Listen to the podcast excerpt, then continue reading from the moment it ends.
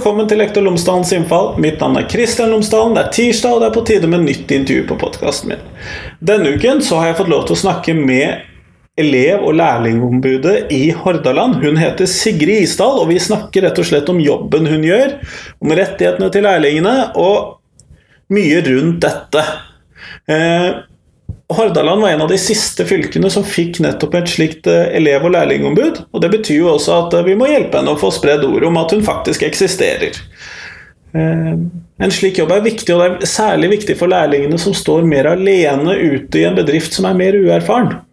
Så del gjerne denne episoden med en lærling eller foreldre til en lærling eller lignende, sånn at vi kan få hjulpet lærlingene mest mulig. Men her skal du få intervjuet, vær så god.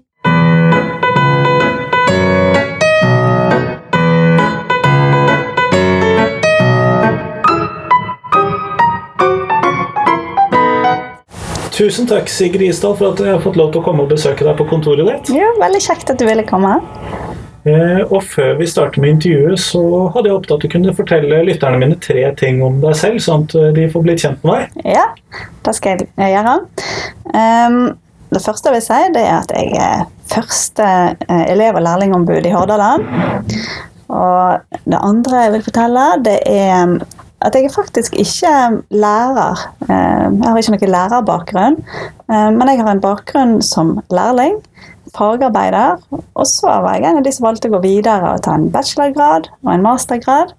Og så har jeg nå etter hvert 13 års arbeidserfaring med litt forskjellige ting. Alt fra Nav til karriereveileder. Jeg har jobba mye med lærlinger, vært både faglig leder og ja, godkjent lærebedrifter. Og så Sist, før jeg begynte i denne jobben, så jeg som HMS-rådgiver. Så også den tredje tingen kan være litt mer personlig. Jeg er veldig glad i musikk. Så jeg bruker mye av tiden min til å gå på konserter og festivaler og sånn. Ja. Hørtes bra ut. Ja. Brukte mye tid på Bergen Live da? Man... Ja. Bergenfest og ja. ja. Nei, men Kjempeflott. Ja. Kunne jeg spørre hva du har fagbrev i? Ja, kontorfag. Kontorfag, selvfølgelig. Ja. Burde jeg nesten tenkt når du sa at det var Nav og sånn etterpå. Ja. Nei, men flott. Eh, og da kan vi jo rett og slett egentlig hoppe rett i det, fordi at du sa det at du var det første elev- og lærlingombudet i Hordaland. Og Ja. Hordaland var vel en av de siste fylkene som fikk elev- og lærlingombud. Mm, det stemmer. Eh, Jeg begynte i jobben min eh, i januar i år. Eh, Og det har vært flere politiske saker tidligere der en har eh, hatt oppe da om Hordaland skal ha elev- og lærlingombud. Og endelig, i 2016, så gjorde de et vedtak på at eh, Hordaland òg skulle ha elev- og lærlingombud. Og da var vi i lag med Troms, eh, de siste fylkene som fikk det på plass. Og faktisk så er det jo sånn at Nordland de har hatt elev- og lærlingombudstillingen i akkurat 20 år. Så eh, det første jeg gjorde når jeg begynte i min stilling, det var jo å ringe rundt til disse elev- og lærlingombudene i de andre fylkene. Og fikk jo veldig god innføring i, ja, i hva jobben gikk ut på. Ja, Det er jo ingen vits å prøve å finne opp hjulet på nytt. i hvert fall. Nei, det er ikke det. Så, så selv om jeg er helt ny i, i jobben, så er det mange andre som eh, har holdt på med dette i mange år. Og det er et veldig godt nettverk. Så vi eh, både snakkes daglig. eh, Nå har jeg nettopp vært i kontakt med elev- og lærlingombudet i Oppland, så vi kan på generelt grunnlag diskutere saker. Og vi lager òg en del sånn felles eh, eh, informasjonsskriv. Eh, ja, vi har òg felles eh, Hvis det er f.eks. høringer, så kan vi uttale oss felles i forhold til eh, høringer som går for f.eks. opplæringsloven. Så det er veldig kjekt å, møtes sånn to-tre ganger i året, så snakkes vi. Og ja, ofte på telefon sånn utenom. Hmm. Men hva gjør egentlig et elev- og lærlingombud? Ja. Eh, jeg pleier ofte å, dele det litt opp når jeg, skal fortelle da, om hva et elev- og lærlingombud gjør. Men det er tredelt. Altså jeg driver med rettledning, informasjonsarbeid, og så jobber jeg òg opp mot systemet. Så det er jo først og fremst et eh, altså ombud for elever og lærlinger. eh, Og lærekandidater. Men primært sett da i videregående skole. Ja, videregående skole.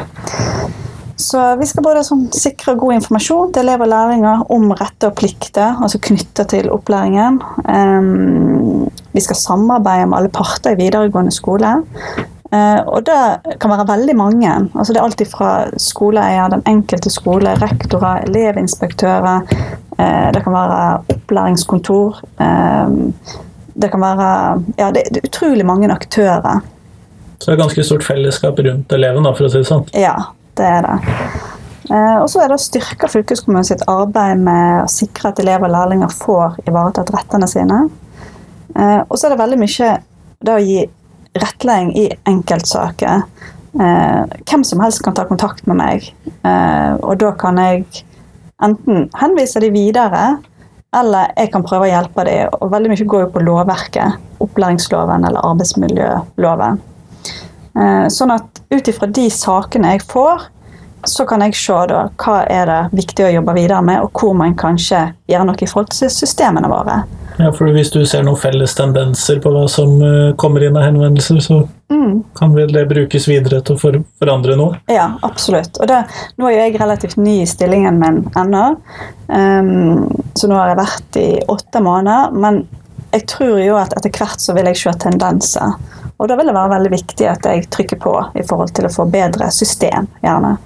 Um, så da er det å løfte prinsipielle saker til politisk og administrativt nivå. Men det er veldig viktig at jeg hele tida skal utføre arbeidet mitt på et fritt og selvstendig grunnlag. Jeg er her for elevene og lærlingene. Uh, sånn at uh, når jeg uttaler meg om noe, så, så, vet de helt sikkert at jeg er nøytral. Jeg kan gå ned i lovverket og kan finne ut er det rett eller galt det som har skjedd. Og veldig ofte så er det jo feil. Kanskje en ikke veit bedre. Men av og til så kan det være at en har gjort uh, ja, Du er ikke her for å gjøre det billigst mulig for fylkeskommunen? Nei, men, men, ser en at det er system som ikke fungerer, så må en jo eh, belyse det, sånn at vi kan gjøre systemene våre bedre. Og ja, Da trenger en gjerne noen som trykker litt ekstra på. Mm, så det blir min, min jobb. Være på en måte stemma til elever og lærlingene. Ja. Det er jo ganske mange elever og lærlinger dette er snakk om, da. Ja, det er det. Det er jo 18 000 elever, rundt 5000 lærlinger. Så det er ganske mange. Ehm, så ja, jeg har allerede fått en god del henvendelser. Altså Siden jeg begynte i januar, så har jeg fått over 100 henvendelser. Så det er mye. Men eh, mest fra lærlingene. Så jeg tror jo òg da at det var ganske mye av bakgrunnen for at stillingen kom, at lærlingene har behov for en person de kan henvende seg til. De føler seg ofte veldig ensomme når de kommer ut i lære. Og elevene våre de er inne i et system, men det kan føles veldig rart å gå ifra det skolesystemet og så komme ut i en bedrift, og så er det kanskje ikke sånne system som de er vant til. Og bedriftene våre er jo så ulike. Altså store og små bedrifter, hvor mange ansatte det er, hva en produserer. Så jeg tror veldig mange føler seg veldig alene og så vet ikke helt hvem skal jeg spørre. Ja, De er jo ofte den eneste som er i bedriften, eller Ja, det, eller av og til så kan det være at det er bare tre ansatte i bedriften. og Hvis du ikke har et veldig godt forhold til din leder eller faglig leder, så syns du kanskje det er vanskelig å spørre om ting. Eh, så da, da ser jeg at eh, ja, Av og til så kan det være at, at ting er rett da de har blitt fortalt, men de er usikre og da, hvis de ringer til meg, så kan jeg si at jo da, dette stemmer. Eller jeg kan si at dette stemmer ikke i det hele tatt. Dette bør du kanskje ta opp med den som er faglig leder hos deg, eller ja, ta det opp med verneombud hvis det er i større bedrift, f.eks. Så, så jeg ser det at foreløpig så har jeg fått eh, mest spørsmål fra lærlinger. Men nå skal vi på en skoleturné. Så du skal bli mer kjent ute i skolene? Ja, jeg må bli mer kjent ute i skolene, og de må bli kjent med at jeg finnes. Um, og da gleder jeg meg veldig til å, høre hva, hva, elevene er opptatt av, og hvordan jeg kan gjøre en best mulig jobb for dem. da. Så vi har planlagt uh, ja, det blir vel 26 skolebesøk nå i høst. 26 skolebesøk, det er mye. Det er over hele Hordaland, da, med andre ord. Ja, det er over hele Hordaland. Så ja, mitt arbeidsområde er alle videregående skoler. Alle som er under videregående opplæring i, i Hordaland. Mm. Eh, men hva tenker du at det blir, eller hva tror du blir viktig å jobbe med inn mot elevmassen? Eh, som sådan, hvis vi holder lærlingene utenfor foreløpig? Ja. Um, jeg kommer jo til å snakke mye om um, elevmedvirkning og elevdemokrati uh, når jeg er ute. Uh, det som vi først og fremst skal gjøre nå til høsten, det er jo å ha opplæring med elevrådene. Så det blir veldig spennende. Og det er et samarbeid jeg har med både mobbeombudet i Hordaland, og med Elevorganisasjonen. Sånn at de har allerede vært ute og, og hatt disse rundene tidligere, og nå skal jeg òg være med. Så jeg gleder meg veldig til det, og jeg tror vi kommer til å gå innom litt i forhold til dette her med hvordan skal de være gode ledere òg. Altså de skal representere en klasse, eller de skal representere alle elevene på en skole. Så det blir veldig mye snakk om det, og hvordan de kan være med og medvirke. Det er elevene som vet hvordan de har det i skolen, men det er viktig at eh, deres meninger kommer fram. Men har disse elevene egentlig noen mulighet til å medvirke? Fordi altså, som Jeg har jo snakket om elevdemokrati og medvirkning tidligere, og for min del så virker det litt sånn Ja, skal vi ha sjokolademelk, eller skal vi ha jordbærmelk i kantina? Ja. Der, det er ja, for noen er det kanskje viktig, og da, da kan en medvirke der òg. Men det er så mange områder. Det er ikke noen begrensninger for hvor en kan medvirke, egentlig. Men eh, elevene må finne noe som de er engasjert i. Sånn nå er det veldig mye snakk om eh, fraværsgrenser, og det er jo så kjekt å se at elevene er engasjert. Eh, så det, det, er det som er viktig. Ja, der har jo politikerne nå virkelig lykkes med å vekke engasjementet, ja, ja, i hvert fall. Uten tvil. så, så, det er mange meninger om det, men det er utrolig gøy å se at elevene de, det, det er noe som de er engasjert i. Men du kan finne mange områder som kan være aktuelle. Eh, og så har du jo Altså, eh, skolen plikter jo å ta elevene med i forhold til de avgjørelsene som skal tas, med f.eks. skolemiljø. Så der òg du, du kommer liten vei med å jobbe med et bedre skolemiljø om ikke elevene får medvirke. Hvis alle sitter og ikke ønsker å bidra med noe, så, så får du veldig lite til. Eh, så ja det får meg til å tenke på min, eh, min eh, skolegang, faktisk. Og da husker Jeg hadde en, eh, jeg satt og snakket med ei venninne av meg som jeg gikk på, på ungdomsskolen med. og hun, Vi snakket om hva du husker fra skoletida. Og så, så sier jeg det at jeg husker veldig godt hva rektoren vår sa aller siste dagen på skolen. Da sa han det du må yte for å nyte. Og det er noe som jeg husker veldig godt. Og da husker jeg, da sier hun vet du hva jeg husker? Jeg husker da han sa førsteskoledagen. og det var så spesielt. Og da, da, hadde han sagt det. Det er tre ting jeg ikke vil høre her på denne skolen. Og det er jeg gidder ikke, det er ikke så nøye, og det må noen andre gjøre. og det har jo med medvirkning å gjøre. Så det, det, veldig, altså det, var veldig gode ord, og det er veldig spesielt at vi husker akkurat det. Fordi at eh, Ja, en må jo yte ja. noe for å få noe igjen. Ja, og elevene vil jo ikke kunne få noe medvirkning hvis ikke de bidrar eller ønsker å bidra eller prøver å bidra. Nei. Men lar skolen dem bidra? Det er jo litt der hvor ja. den eh, store Ja, og det, de plikter i hvert fall til det. Og det er jo litt av det jeg ønsker å finne ut av når jeg kommer nå ut på skolebesøk. Lar de de bidra? Eh, så jeg kommer til å spørre. Eh, og så høre litt hva, hva de sjøl tenker om akkurat det, og gi de gode tips til i forhold til hvordan de kan bidra. Og da er jo kommunikasjon kjempeviktig. For jeg må jo kunne kommunisere på en god måte, selv om en er uenige. At det ikke blir usaklig. Mm. Ja. Og det krever jo god opplæring av den uprofesjonelle part, altså elevene. Men det krever jo også en ganske åpen holdning fra skolehold. Mm, det gjør det.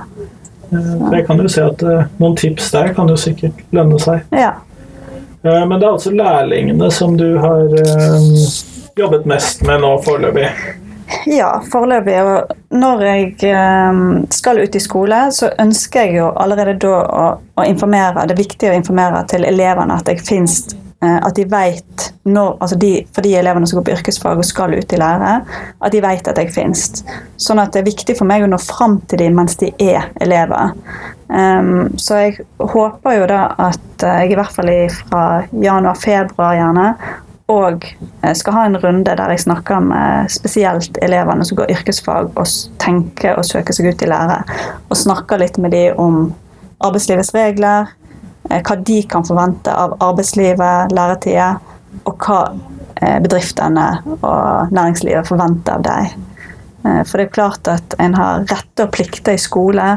Det har en òg når en kommer ut i arbeidslivet. Men de pliktene en har som lærling, blir kanskje klarere. For de pliktene du har i skole, det går kanskje bare utover deg sjøl. Men i arbeidslivet så er det Da kan det plutselig gå utover veldig mange andre. Sånn, så det er jo ja, eh, ledere som er veldig klare på det at for sentkomming, det, det godtar ikke vi. Skal du f.eks. jobbe som lærling i en barnehage, så er barnehagen avhengig av at du møter klokka sju, for da står eh, foreldre der med barn og skal levere dem. Så Går ikke an å komme halv åtte, da? det gjør ikke det.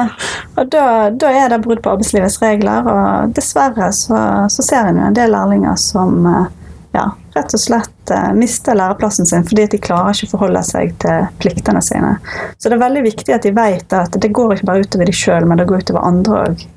Ja, produksjon og ja. Ja, nei, jeg ser det at eh, det er noe som lærlingene virkelig må forstå før de Mm. drar ut. Det er det. Og bedriftene er veldig opptatt av dette her. og det er jo derfor de er så opptatt av fravær òg. Ja. Bedriftene de ser mest på det når de skal ansette. Mye mer på det enn karakterer. De er opptatt av hva er dette fraværet. Er, er du en ordentlig person som dukker opp om morgenen? yes, De er ofte mer opptatt av det. Tenker at læringen den kommer etter hvert. Ja. Men eh, Trives elevene ute i lærlingetiden? De som kommer seg ut og blir lærlinger? Ja, eh, jeg tror da at de aller, aller fleste de har eh, kjempeflott eh, lærebedrifter og læreplasser. Det er mye godt, altså god opplæring som skjer der ute, og det er mange gode lærebedrifter. Så det er heldigvis de færreste som opplever utrygge rammer, eller at de ikke får den opplæringen de har krav på. Men, men det er en del av de. Og det er viktig å fokusere på det. og kanskje ikke alle lærebedrifter er klar over at de òg skal forholde seg til opplæringsloven når de tar imot en Ja, for de er jo faktisk en del av opplæringssystemet. Ja. Og, og da pleier jeg av og til å si til bedriftene er de klar over det at det er en del av opplæringssystemet, det òg. Jeg tror ikke alltid de tenker på den måten at uten lærebedriftene så hadde vi ikke kunnet utdanne fagarbeidere. Men de ser ofte på det som en rekruttering. Sånn, De ansetter lærlingene fordi at de ønsker De har behov for arbeidskraft, men de er jo en del av utdanningssystemet. Så det er utrolig viktig at eh, de òg vet eh, at de må forholde seg til opplæringsloven. Lærlingene har klare retter i forhold til hva de skal ha opplæring i når de kommer ut i bedrift. Og bedriftene får faktisk et tilskudd for å ha lærlingene der ifra fylket. Så skal ikke glemme at bedriftene òg har plikter her. Sånn til Lærlingene befinner seg jo da litt i en sånn mellompost, da, når de da litt som arbeidstakere må følge arbeidslivets regler i forhold til å dukke opp og ikke stjele fra sjefen og ja. en del sånne ting. Og samtidig så skal de være elever som uh, trenger litt ekstra. Ja, for de har, de har to kontrakter. De har én arbeidskontrakt, og den er med lærebedriften. Og så de én lærekontrakt, og den er med lærebedriften, lærlingen, men òg med fylket. Sånn at da ja, forplikter en seg til å følge opplæringsloven. Og det tror jeg at noen lærebedrifter av og til glemmer litt. De, de er kanskje ikke så opptatt av læreplaner, for det er jo en læreplan du skal følge når du kommer ut i bedrift òg. Men eh, bedriftene de går av og til bare på ja, det samme de alltid har gjort. Det er sånn vi alltid har gitt denne opplæringen. Og så passer de kanskje ikke på at lærlingen får eh, kommet innom alle målene i læreplanen. Og det kan jo ha med produksjon i bedriftene. Produksjon kan jo endre seg. Så er du på en restaurant, så endrer menyen seg. Ja. Ja, men, men lærlingen skal jo ha opplæring i å lage alle disse matrettene uansett.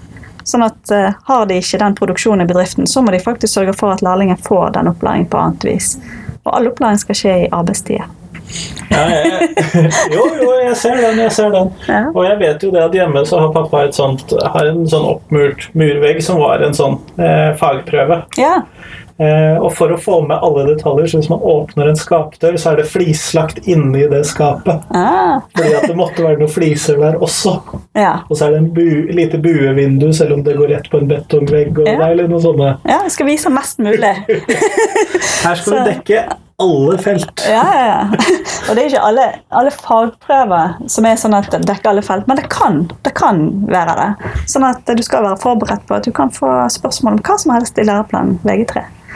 Så, men, men det er klart vi har jo opplæring eh, for faglige ledere og instruktører i bedrift. Det er jo noe som fylket arrangerer. Veldig gode kurs. Men det er å få de til å, til å møte. Og jeg tror at veldig mange når de er på disse kursene, får litt sånn aha-opplevelse. Oi, læreplanen, ja, den var ikke helt sånn som jeg har tenkt. Men, det, men det, de plikter å forholde seg til læreplanen. De skal lage både interne opplæringsplaner, og lærlingene har rett på tilbakemelding, eh, halv, halvårsvurdering på lik linje som elevene. Sånn at eh, elevene er nok mer eh, Eller lærlingene er mer bevisst på dette. Men kanskje de blir usikre når de kommer ut i bedriften og bedriften ikke følger opp på samme måten. Så det er jo litt av de spørsmålene jeg får. Har jeg rett på tilbakemelding? Selvfølgelig har du rett på tilbakemelding, ellers vil du ikke Vite hvor du ligger an? Nei, du vil ikke ane. Og så Det som er så trist, er jo det at det er veldig mange lærlinger som venter veldig lenge før de tar kontakt. Eh, det er kanskje på slutten av læretida. Da begynner de å snakke om at jeg er usikker på om jeg har fått den opplæringen jeg skal ha.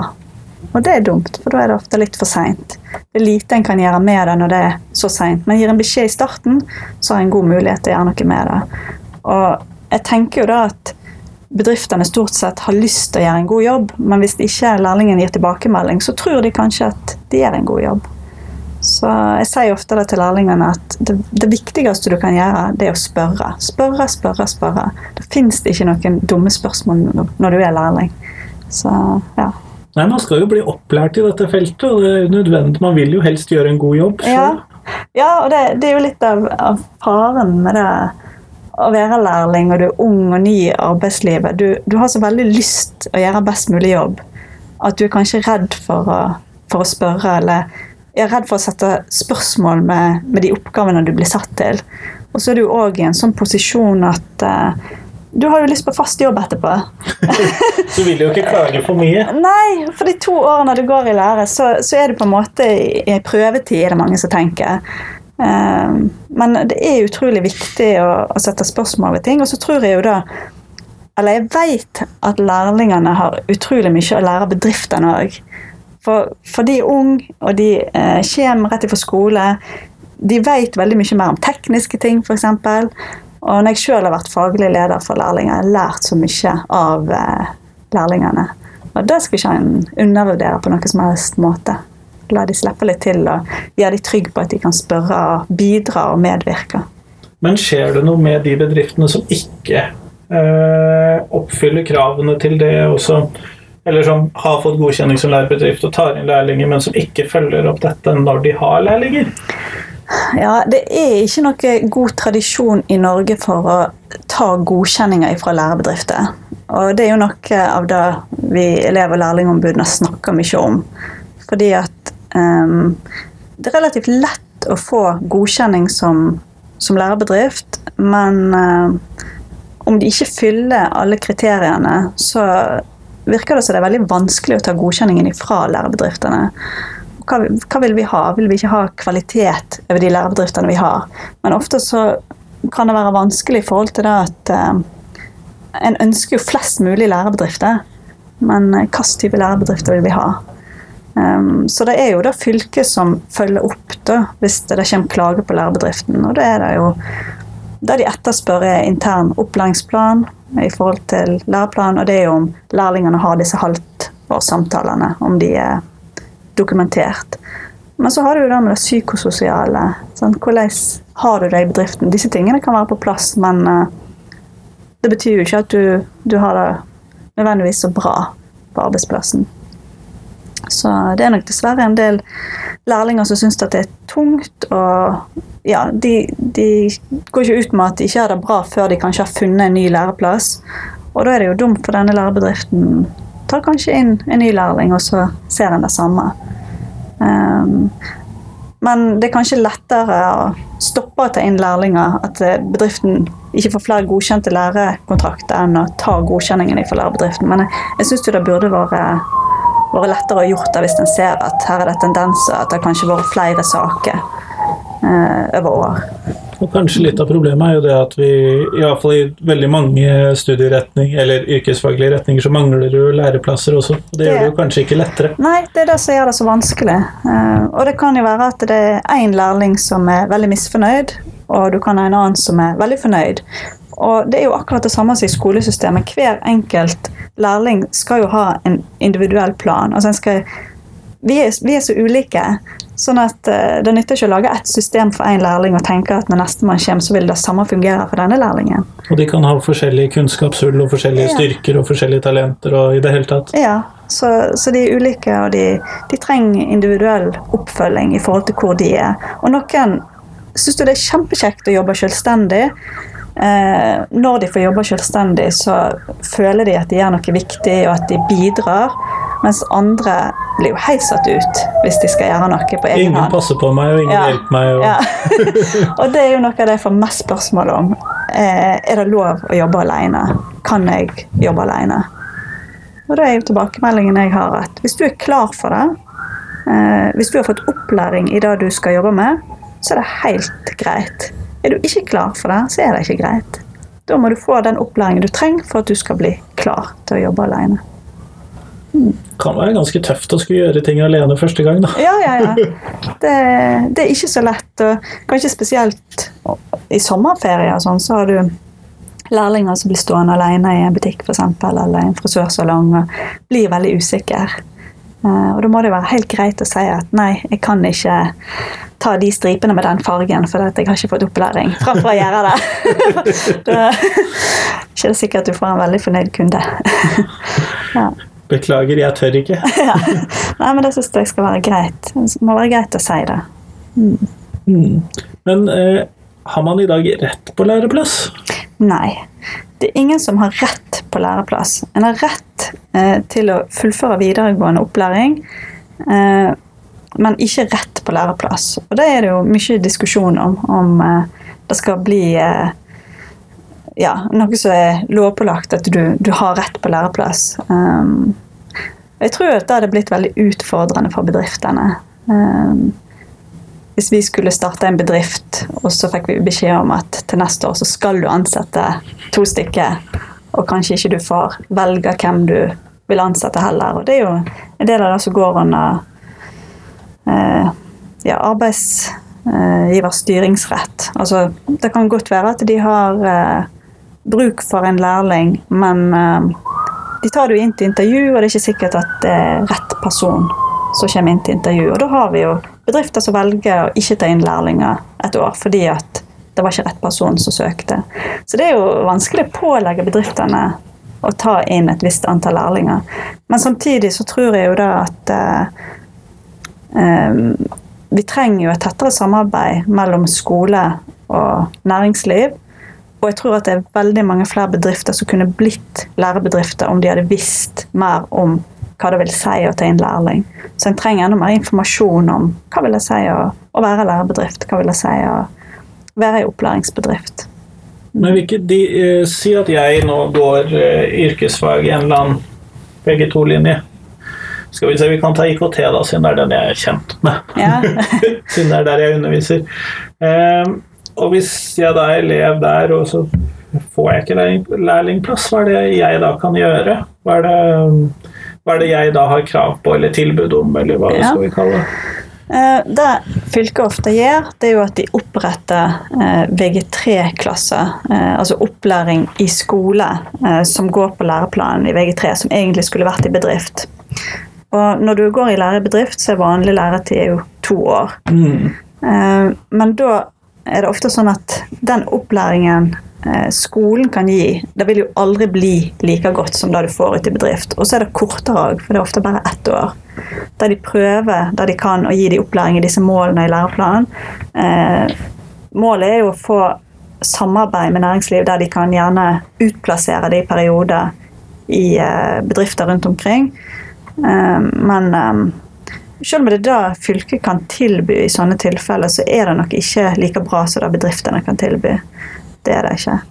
Um, Mangler den kjempestore praktiske relevansen Ja. og dette? ja, en gjør det, og jeg tror jo ofte En ser jo òg det at um, lærlinger som har vært i skolesystemet over mange år, som gjerne ikke har vært veldig motiverte der, de får en mye større motivasjon når de kommer ut i arbeidslivet, for de ser at det de holder på med, har en mening for ikke bare de sjøl, men flere rundt dem. Og den vil du f.eks. ikke få når du bare sitter igjen og jobber med dine egne mål. Um, du, ja, det, er ingen, det er ikke så mange som har forventninger til deg. Um, men ellers er det jo gjerne det at en del går over på påbygg. At de går uh, ja, ikke tar læretid, sier hun på påbygg. Men det som veldig mange ikke vet, det er jo at det er jo ingen aldersgrense på på å være lærling. Jeg har møtt lærlinger som har vært både 40-50 år. Jeg. Så, så selv om en ikke får læreplass akkurat rett etter endt eh, skoleår, så må en jo ikke gi opp. Og bedriftene de er jo, syns det er veldig kjekt når det kommer noen som er veldig motivert til å jobbe i akkurat deres bedrift. Og jeg har jo møtt mange eh, bedriftsledere som sier at nei, vi tenkte ikke å ta inn lærling i år, men vi har en kar her, og han har vært på oss hver eneste uke og har så lyst på læreplass, og nå må vi bare ta den inn. Og det er jo gøy å høre sånne historier. at De har så lyst. Sånn at eh, ja, er du veldig på, så, så vil det nok gå greit. Men det er ikke sikkert at du får deg læreplass eh, akkurat rett etter skole, skoleåret. Og, og læretid følger jo ikke skoleåret. Nei, det kan jo være litt kronglete av og til. Ja, det kan, kan være kronglete, men så er det jo òg eh, greit i forhold til at eh, Ja. Eh, ja, det, det, kan være både òg, rett og slett. Men eh, ja, noen velger jo å begynne med en gang, og noen velger kanskje å ta et pauseår før de begynner læretid, eller vil begynne i januar for den saks skyld. Og bedriftene har det jo òg sånn at de må jo se på sin produksjon i forhold til når det er best at lærlingene begynner. Ja, man skal jo få plass til denne opplæringen, og man skal få mm. plass til å gjøre praktiske ting osv. Ja, absolutt. Så, så mange har jo ja, lange sommerjobber før de begynner i lære. Men det er jo også ganske motiverende det når du begynner å tjene penger for første gang, og sånn, for de som da kommer seg ut i lære. Mm. Ja, det tror jeg er en fin Plut følelse. Plutselig er jeg voksen. Ja, ja, ja. og det, det er jo noe som jeg får veldig mye spørsmål om, det med lønn. Uh, og det er veldig mange som, som ikke vet at det finnes jo ingen minstelønn i Norge i dag hvis bedriften ikke er bundet opp mot tariffavtale. Så det er enormt store forskjeller på, på lønninger som lærlingene har der ute. Det er helt ekstremt. og da er det jo Ja, jeg sier ofte at lønn det er en forhandling. Du, du må rett og slett forhandle med bedriftene. Jeg har sett mange som har forhandla seg bra, altså fram til veldig bra avtaler. Og så sammenligner de med andre, og så Å, den har mye mer enn meg. Hvorfor det? Er det rett? Men det er Om du ikke knytter opp mot tariffavtaler, så er det rett og slett forhandling som gjelder. Mm. Men du sa det at du hadde fått 100 henvendelser til nå i løpet av de åtte månedene, og det er jo hele Og nå skal du jo gjøre deg kjent ut i skolene. Ja. Eh, da håper jeg jo at elevene stort sett er ganske fornøyd ja, da, i Hordaland, for ellers høres dette ganske mye ut. Når du ikke bare får spørsmål fra disse 5000 lærlingene, men også begynner å få fra elevene. Ja. Jeg tenker jo da at uh, en viktig del av jobben min nå framover blir jo å informere om at jeg, at jeg finnes. Så det er nok ikke alle som har oppdaga at elev- og lærlingombudet kom på plass. Uh, så da vil jeg jo Eh, få anledning til å informere mye om når jeg skal ut i skolene. Eh, så jeg tror nok da at spørsmålene kommer til å komme, komme etter hvert. Men litt har jeg jo allerede fått. Altså spørsmål om tilrettelagt undervisning og eh, hvordan ta opp vanskelige spørsmål med lærer. Den, den, har jeg fått en del av allerede. Og det kanskje de, de syns det er vanskelig å snakke med andre på skolen om det, eller elevinspektør om det. For de er redd for at hvis jeg sier noe til lærer eller til andre, så vil det gå utover karakterene mine. Så, så litt spørsmål om det har jeg fått. Uh, ordensreglement var det en del spørsmål om i russetida, blant annet. du hva, det overrasker meg ikke. Nei. så det var det en del som hadde kommet på svarteliste og lurte på om det var lov. Men det er jo de samme reglene som gjaldt i russetida, det er ikke noe forskjell. Nei, det er jo ikke det. Nei. Men apropos dette med tilpasset opplæring. Mm. Så hadde jeg det forrige intervjuet mitt når dette her blir publisert, det er om, eh, med en forsker på NLA om dette med evnerike barn. Mm. Eller de med stort læringspotensial er vel et annet navn som vi bruker på disse elevene. Ja.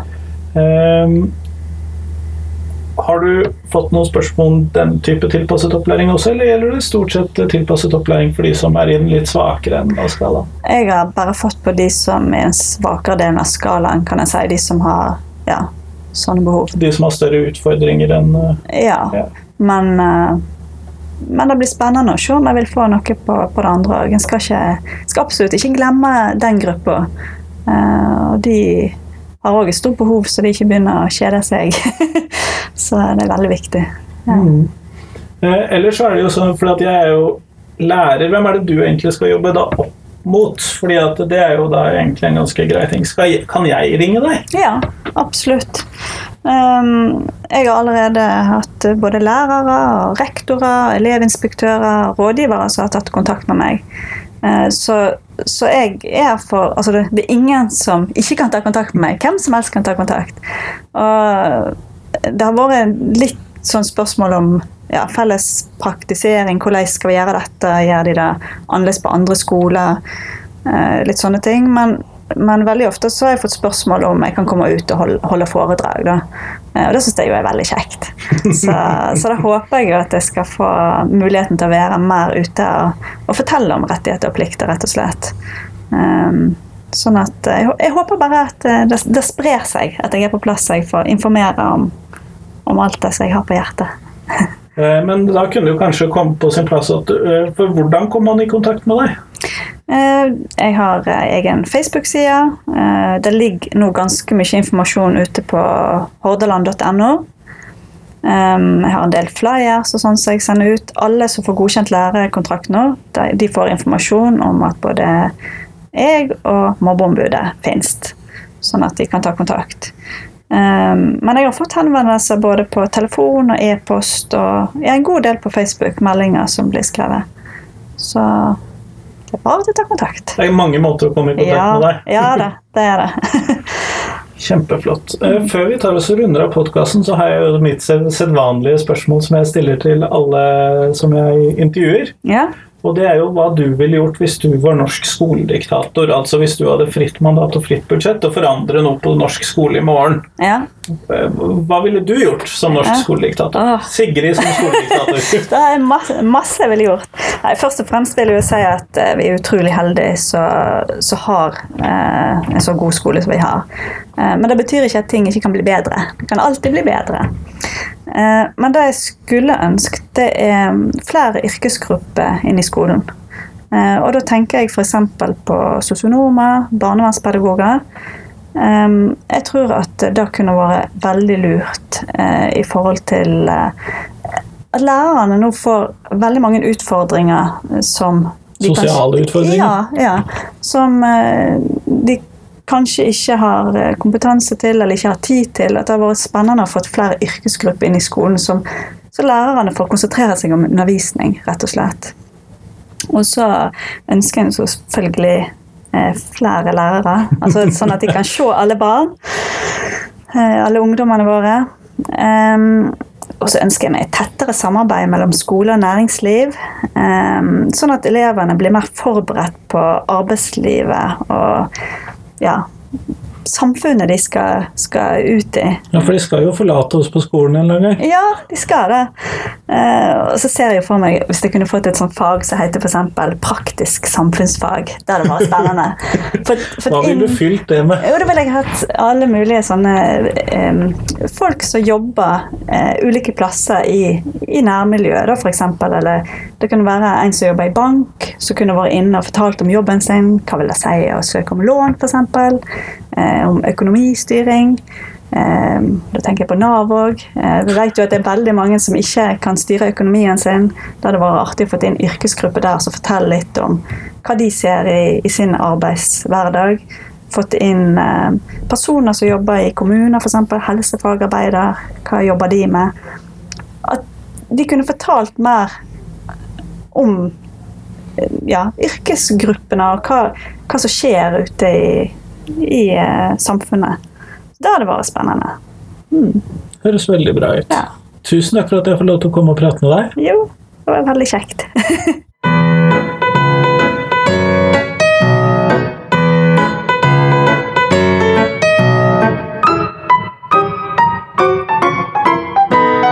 Tusen takk til Sigrid Isdal, og tusen takk til deg som hørte på. Jeg håper det at i den uken som kommer, så at du kan hjelpe meg med å få flere tips til hva vi skal, eh, eller hvem jeg skal prate med på podkasten, og hva jeg skal prate om. Eh, vanligvis så klarer jo jeg selv å tenke ut hvem er det jeg har lyst til å intervjue, og jeg har ganske mange gode navn på blokka, men jeg er alltid interessert i å få nye navn som jeg kan vurdere til podkasten. Det hender jo til og med at eh, folk som Jonas Gahr Støre sånn sier nei til å bli med på podkasten, selv om jeg ikke forstår det. Ok, de har kanskje litt dårlig tid, da. Men eh, det ville vært fint med tips.